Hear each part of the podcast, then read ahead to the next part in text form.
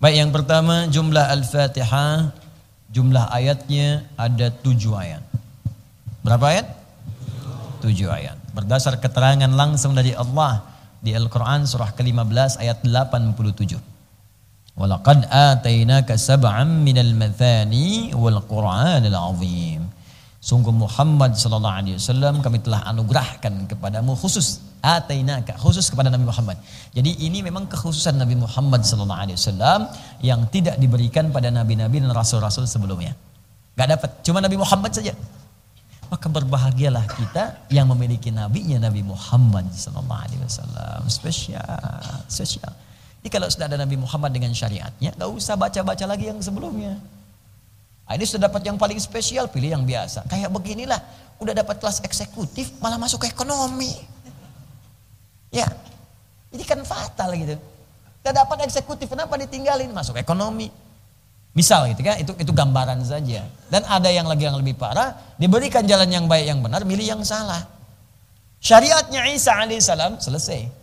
Syariatnya Musa tuntas. Sulaiman alaihissalam selesai paripurna ditutuplah disempurnakan dengan syariatnya Muhammad sallallahu alaihi wasallam. Ini penutup yang sempurna yang paling bagus keterangan ada semua. Ambil yang itu. Di sepanjang ada syariat Muhammad sallallahu alaihi wasallam, yang lainnya selesai. Apa di antara keutamaannya kata Allah, saya berikan spesial khusus untuk Nabi Muhammad. Jadi nanti ada keutamaan beberapa yang melekat pada Nabi Muhammad yang nabi lain gak mendapatinya. Yang paling utama di antaranya Al-Fatihah. Kata Allah, sab'an minal mathani, tujuh ayat yang diulang-ulang. Ulang-ulang, ulang-ulang setiap hari, setiap waktu. Tidak ada satupun tujuh ayat diulang-ulang dalam satu surah. Terus dibaca, diulang, diulang, diulang, diulang. Kecuali Al-Quran. Dan bahasanya indah. Bahasanya indah. Sab'an minal mathani, bukan sab'an minal mukarrar. Padahal bisa mukarrar itu diulang juga. Kenapa menggunakan kata tasniah? Tasniah itu bukan sekedar diulang. Sesuatu yang mengandung keindahan sesuatu yang mengandung pujian. Dan sesuatu yang terus diungkapkan tanpa bosan kita kemudian menyampaikannya. Itulah masani. Wah jeli benar bahasa Quran itu. Diksinya tepat. Makanya tidak pernah ditemukan ada orang mengulang fatihah dalam sehari 17 kali. Tapi bosan. Gak ada. Pernah nggak ada dapat pengaduan misalnya? Bahkan dari anak kecil sekalipun. Mama, mama, mami, mami, mami, papi, papi, papa, mimi. Misalnya kan datang Aduh, aku pusing, aku pusing, pusing, pusing. Kenapa? Baca Al-Fatihah. Tidak ada. Yang kecil, tidak. Yang remaja, tidak. Yang tua pun tidak. Coba anda bayangkan, kalau orang sudah tua misalnya, sepuh taruhlah. Dari mulai balik, misal balik 10 tahun, usia sudah 70 tahun. Muslim dia, berarti 60 tahun. Setiap hari baca Al-Fatihah, 365 hari. Seharinya 17 kali. Kalikan. Kalikan. 17 kali 365 ya dikalikan kemudian 12 kali 60. Nanti besok kasih tahu saya. Udin aja susah tuh nyarinya tuh. Nggak mudah itu. Tidak mudah. Berapa kali coba bayangkan. Saya nggak usah bicara 60 tahun lah. Yang mau saya maksudkan pernah nggak ada orang 60 tahun muslim mengeluh sakit kepala karena baca Al-Fatihah. Sehari 17 kali. Kalau ini bukan firman Allah, mustahil dengan cara apa lagi membuktikan kepada manusia bahwa Islam agama yang hak. Al-Quran mukjizat yang benar. Kalau ini buatan manusia, pusing. Karena sifat makhluk beda dengan khalik. Ciptaan makhluk nggak akan sama dengan ciptaan khalik. Dan Al-Quran itu bukan ciptaan, bukan makhluk. Al-Quran itu firman, apalagi firman. Buatan Allah saja tidak akan sama. Makhluk saja nggak sama, apalagi firman. Nih kita ciptaan Allah nih, makhluk kita ini. Manusia nggak akan bisa buat seperti kita, nggak akan sama. Bikin nyamuk aja nggak bisa. Eh bikin nyamuk coba yang tidak kaku, terbangnya cepat. Tak, tak, tak, tak, tak. Anda bayangkan, belum ditepok udah terbang. Nyamuk. Eh, pak, pipi kita aja yang sakit, dia aja enggak. Bisa terbang, bisa nggak manusia bikin begituan? Nggak ada. Amerika negara daya membuat prototipe nyamuk, nggak ada. Paling banter baygon. Meraket. Hmm, itu aja nyamuknya enggak. Itu baru makhluk sedangkan Al-Quran bukan makhluk. Al-Quran itu firman siapa yang bisa kemudian menyamainya? Enggak bisa. Makanya yang dibuat oleh manusia bacaan-bacaan, jangankan 17 kali, baca sehari tiga kali, pusing anda. Baca. Buku paling bagus, semuka bumi. Baca novel.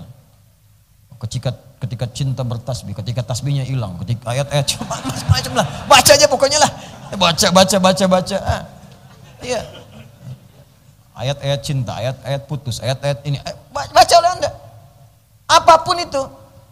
Ya, mau novelnya si pula, novelnya ini, novel macam-macam. Enggak ada orang baca tiga kali sehari. Baca lagi, baca lagi, baca. Paling-paling hari kedua, bosan, lempar. Kenapa? Bosan, datang saya. Tanya aja. Saya bacain tuh novelnya, halaman keberapa, halaman posisi keberapa, kanan, kiri, depan, atas, belakang, apa saya. Tapi suruh baca lagi, nggak mau. Al-Fatihah tidak. Allahu Akbar. Subuh tuh dua kali. Zuhur dibaca empat kali lagi. Yang lebih dahsyat, nunggu zuhur, duha, dibaca lagi. Baru subuh muncul syuruk, dibaca lagi dua. Tapi nggak pernah ngeluh. Coba, ini luar biasa. Al-Fatihah. Makanya masani dibaca diulang-ulang, tapi nggak ada orang bosan. Coba mungkin di antara anda, bapak atau ibu di bawah ada yang dokter, pernah nggak ada yang masuk kepada anda di poli anda, ada keluhan pusing karena baca Al-Fatihah? Gak ada. Ya, pusing bu dokter, kenapa? Ini saya baca Al-Fatihah 17 kali, nggak ada. Mustahil, firman Allah. Mathani. Nah, bagaimana coba kita menghadirkan keyakinan lagi? Kalau nggak yakin juga menurut saya ada yang terhalang di jiwanya itu.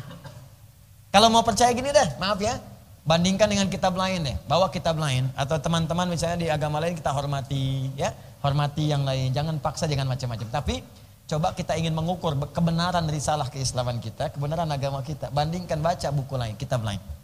Rasakan, ada nggak seperti nikmatnya baca Al-Fatihah ini? Baca 17 kali, ada nggak orang baca di kitab lain? Kepercayaan agamanya dibaca 17 kali. Saya buat umum aja ya. Sebab kalau saya bikin khusus spesifik langsung disebutkan, habis ini tersangka saya.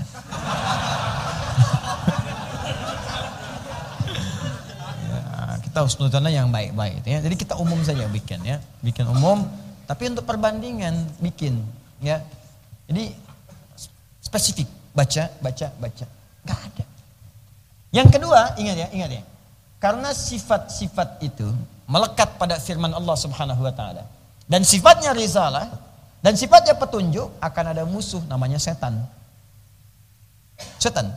Jadi kalau kalimatnya langsung petunjuk dari Allah, setan akan bergerak. Kalau bukan dari Allah, setannya nggak gerak. Makanya Al-Fatihah itu nggak ada orang bosan baca Al-Fatihah. Baca Al-Quran nggak ada orang bosan. Tapi ketika dibaca ngantuk. Silahkan cek, cuman Al-Quran. Nggak pernah bosan, tapi kalau dibaca ngantuk. Silahkan cek. Toha.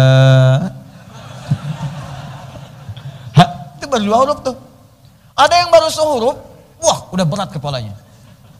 Nun. baru nun tuh. Ya, udah berat kepalanya, ngantuk.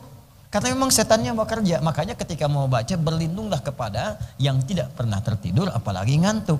La ta'khudhuhu sinatun wala naum supaya dilindungi. Makanya jangankan baca Quran seperti biasa, dalam sholat pun bisa ngantuk.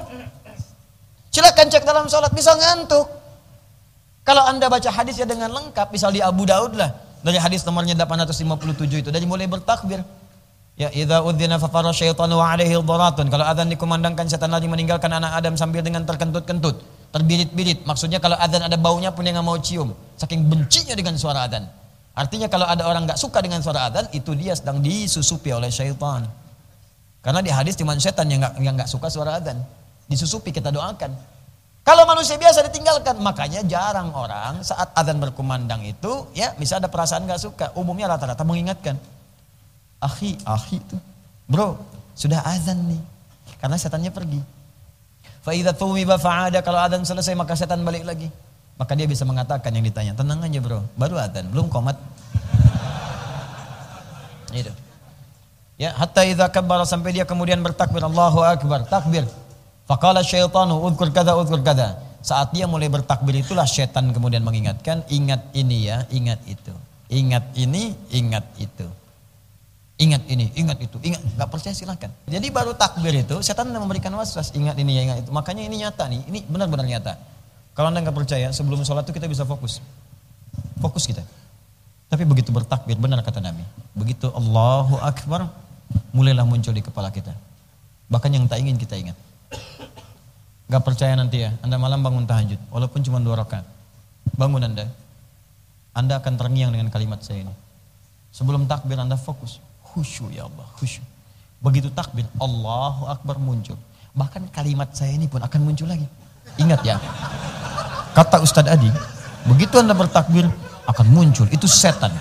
Itu bukan saya, setan itu.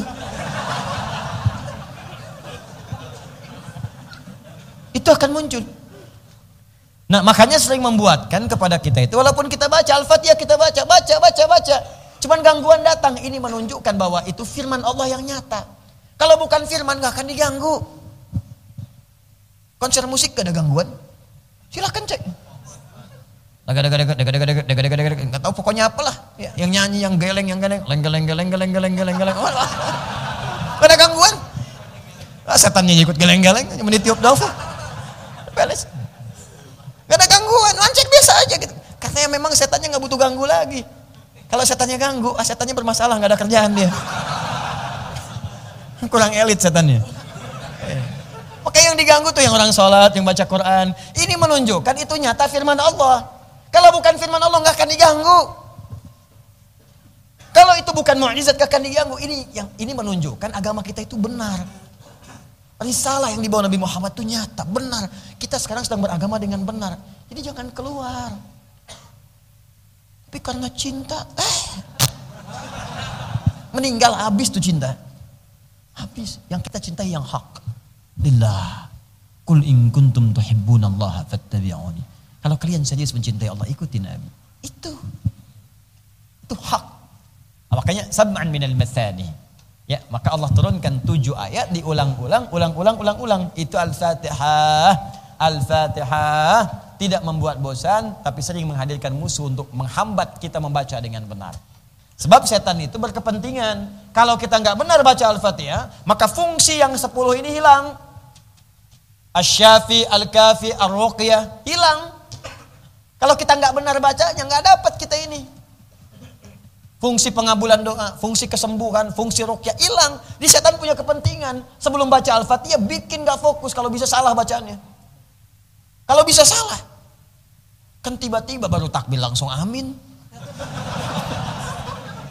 Allahu Akbar. Ya. Pikiran ke mana-mana. Amin. Ada yang baru takbir baca surat. Ada yang begitu. Pernah kejadian. Allahu Akbar. Baca. Alif Lam Al-Fatihah kata makmumnya tuh. Ada. Karena memang setan nggak suka. nggak suka dengan ini. Kalau kita benar bacanya, udah nih. Putus asa deh setan, bunuh diri. Selesai. Sudah beres. Paham ya? Maka ini bagian pertama. Ketika kita kemudian akan membaca Al-Fatihah tujuh kali diulang-ulang itu tujuh ayat ya. Di Al-Fatihah itu ada tujuh ayat, 25 kalimat dan 113 huruf. Al-Fatihah. Tujuh ayat, 25 kalimat dan 113 huruf. Kalau mau dihitung silakan aja. Ya, itu. Supaya lebih cepat. Nanti di sini dibaca nih, ya, baca di paragraf yang terakhir atau saya bacakan, bacakan. Saya, saya, saya menghafal ini ya, coba pelan-pelan. Cuma kadang-kadang orang nggak percaya gitu ya. Makanya kita bawa kitab untuk bacakan lagi. Qalu dan mereka para ulama berkata wa kalimatuha dan kalimat-kalimat di Al-Fatihah itu khamsun wa ishruna kalimatan ada 25 kalimat. Wa hurufuha sedangkan jumlah hurufnya mi'atun wa thalathatu asyara harfan ada 113 huruf. Nah, jadi jumlah ayatnya 7 ayat kalimatnya 25 hurufnya berapa? 113 huruf dan memiliki 10 nama menunjuk pada keistimewaannya. Itu yang paling minimal 10 itu. Nah, karena tadi saya katakan Al-Fatihah itu adalah mukjizat firman Allah banyak keistimewaan, maka setan tidak akan tinggal diam.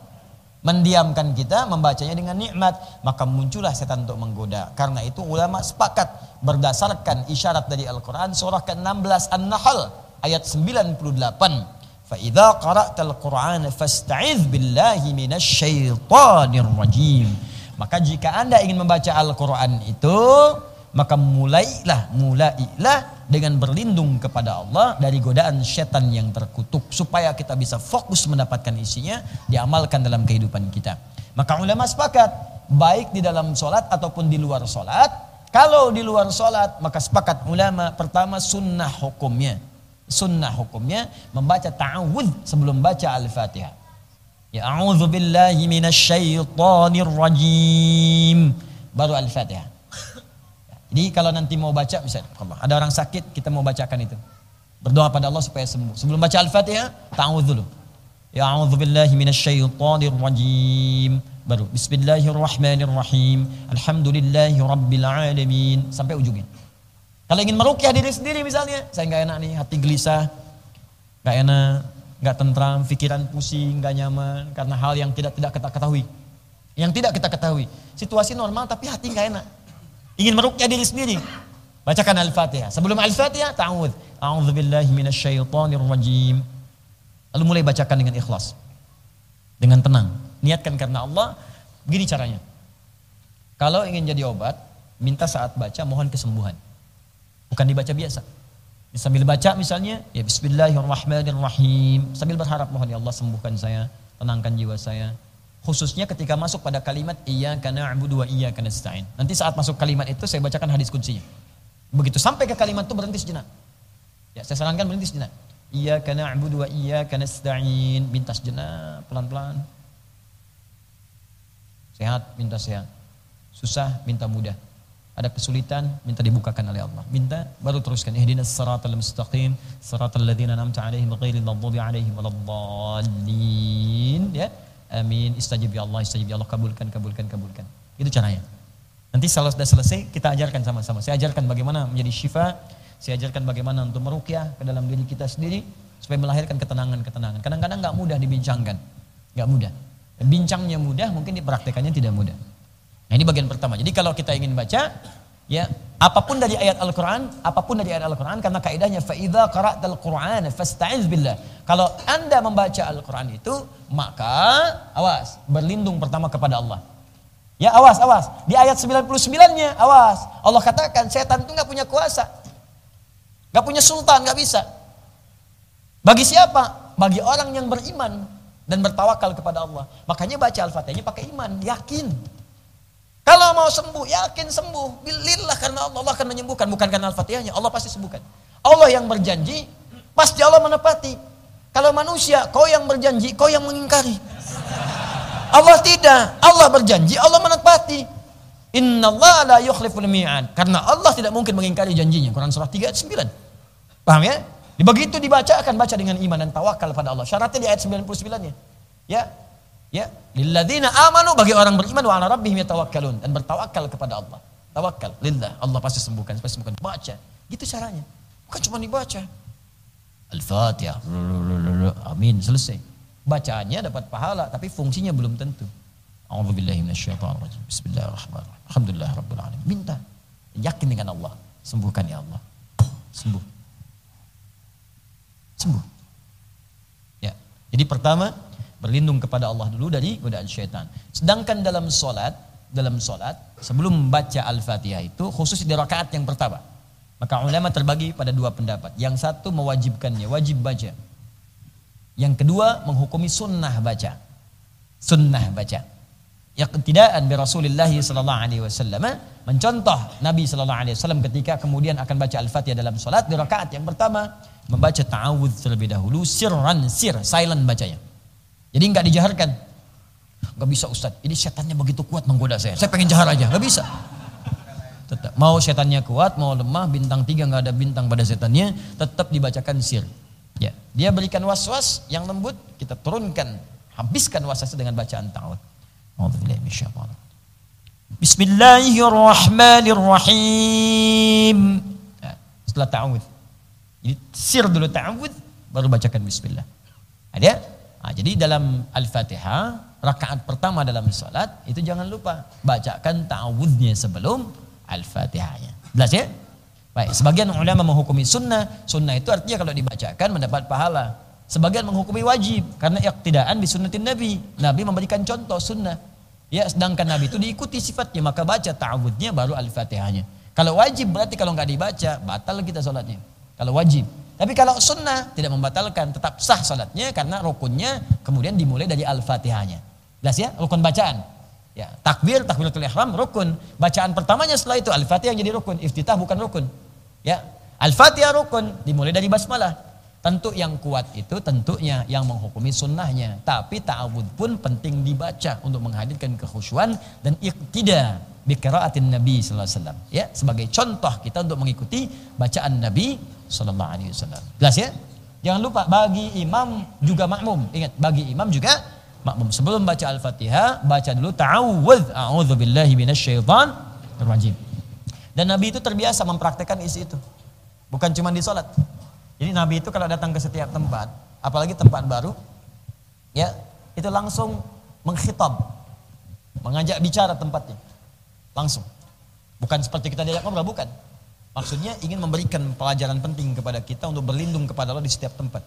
Nabi katakan, Rabbi wa rabbikillah. Ya ardun, Rabbi wa rabbikillah. Riwayatnya sahih. Hei bumi, hei tanah, hei tempat ini.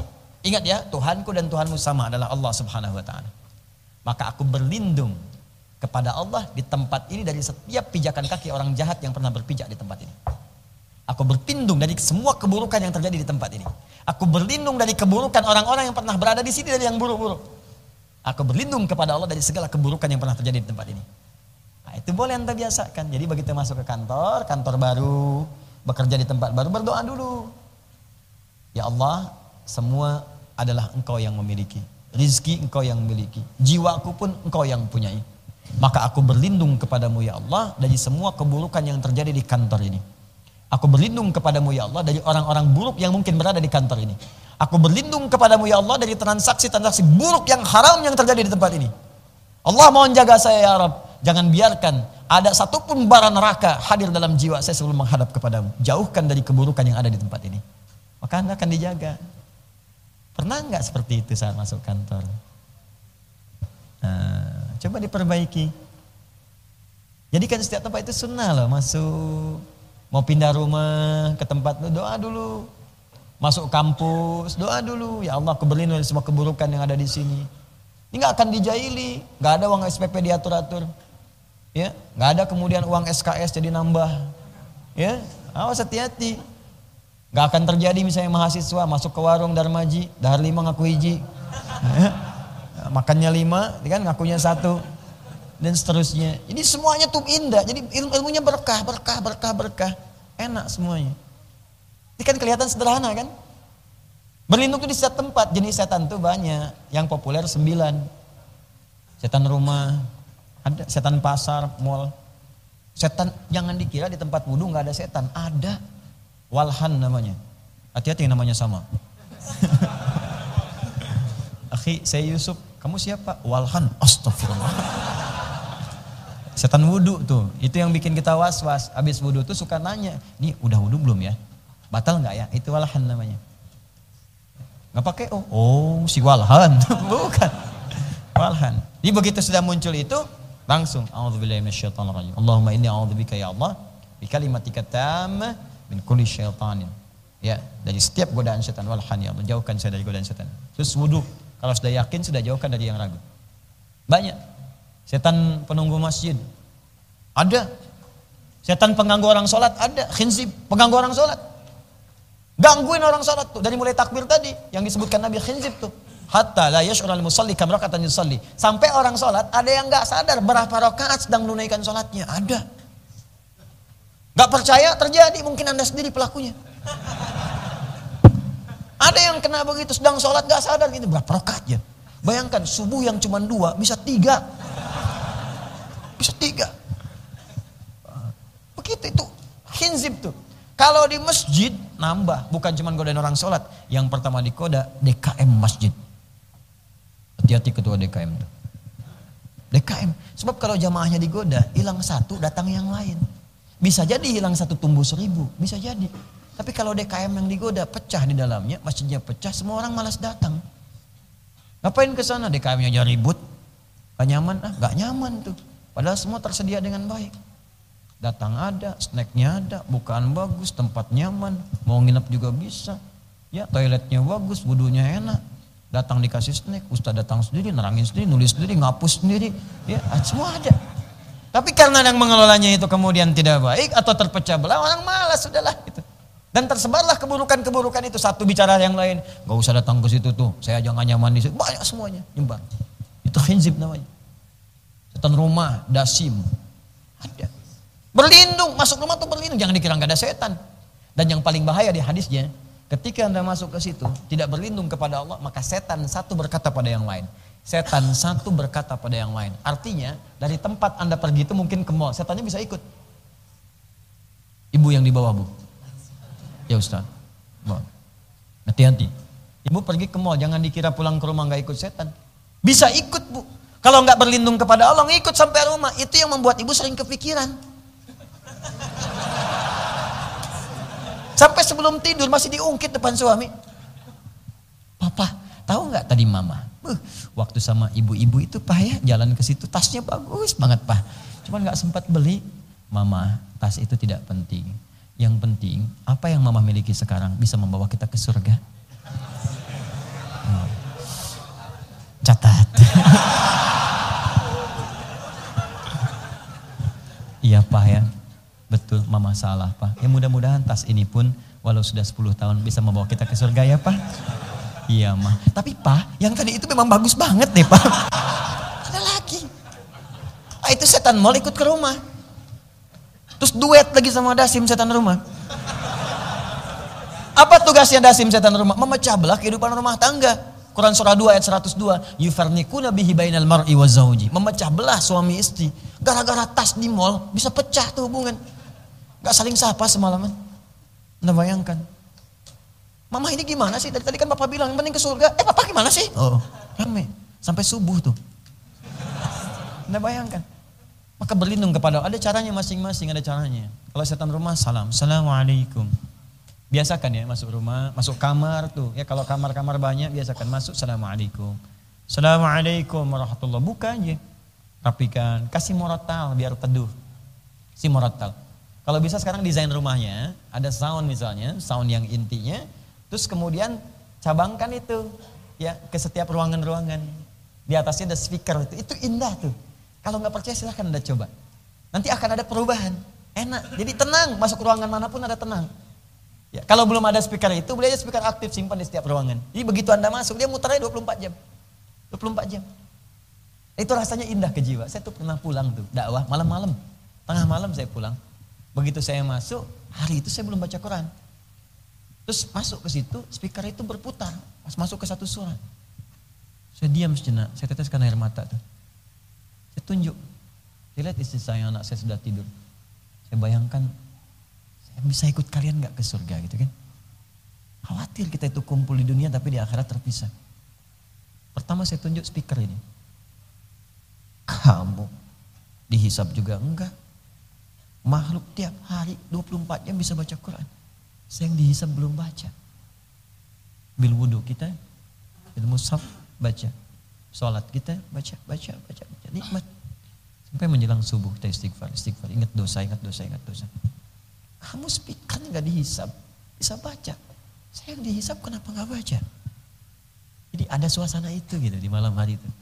Ada ketenangan dalam jiwa kita. Sesekali iseng antum matiin. Ada yang gelisah dalam jiwa. Masuk, bacakan. Assalamualaikum, Assalamualaikum. Saya biasanya mengajarkan pada anak-anak juga sejak dia usia 3 tahun bisa bicara, sudah mulai rajin, sudah mulai lucu. Saya kasih tahu. Anak saya yang besar sekarang 6 tahun dia, ya. Kakak nih masuk ruangan, ucapkan Assalamualaikum ya. Kalau enggak nanti ada setan, namanya Dasim, bisa mengganggu kakak nanti. Oh dia, siapa ya? ya namanya siapa? Dasim. Masuk dia ruangan. Masuk di ruangan langsung dibuka sama dia. Assalamualaikum Dasim. Sebut namanya langsung. Biar nggak tertukar. Nah, selesai lah. Nah itulah ya. ya jadi diucapkan apa? A'udzubillahi minasyaitonirrajim ya. Saat berjumpa dengan istri, ta'awud, minta perlindungan. Ada doanya. Ya, ajak anak ke ruangan, baca ta'awud dan seterusnya. Berlindung. Masuk ke mall berlindung kepada Allah dari setan-setan yang mungkin bisa menggoda, mengarahkan pada yang buruk. Kan kita nggak tahu mana yang kelihatannya madu padahal ada racunnya. Mana yang kelihatannya haram, ini kan dibungkus dengan yang halal. Mana yang kelihatannya halal betul tapi ternyata dari hasil pekerjaan yang haram. Orang haram, dia punya pekerjaan besar, hartanya banyak, bikin mall, tapi hasilnya dicurian. Haram kan? Kalau anda nggak berlindung, anda nggak akan tahu masuk tempat itu halal apa haram. Masuk ke mall, ternyata itu hasil gusuran fakir miskin. Tanahnya digusur, bikin mall di situ. Banyak fakir miskin menangis karena terambil haknya di situ. Kalau anda benar-benar peka, berlindung pada Allah. Begitu berlindung, hati anda akan digerakkan. Jangan masuk yang ini, yang sana saja. Masuknya nggak enak, tiba-tiba pindah. Atau dibikin kejadian. Begitu masuk penuh, Anda pindah. Begitu masuk barang yang dicari nggak ada. Padahal kemarin ada, tiba-tiba nggak ada. Bisa jadi begitu. Allah arahkan pada yang baik. Itu nggak kasat mata gitu John. Kalau kasat mata kelihatan, tapi kalau nggak nampak susah. Ini kelihatannya sederhana teman-teman, tapi keberkahannya tinggi. Tinggi sekali. Nanti antum akan rasakan lah kalau sudah menikmati ayat-ayat itu. Tapi kalau al Qurannya sudah ada di dalam jiwa kita. Quran hadir dalam jiwa kita itu kenikmatannya nggak bisa diganti dengan apa pun. Nikmat.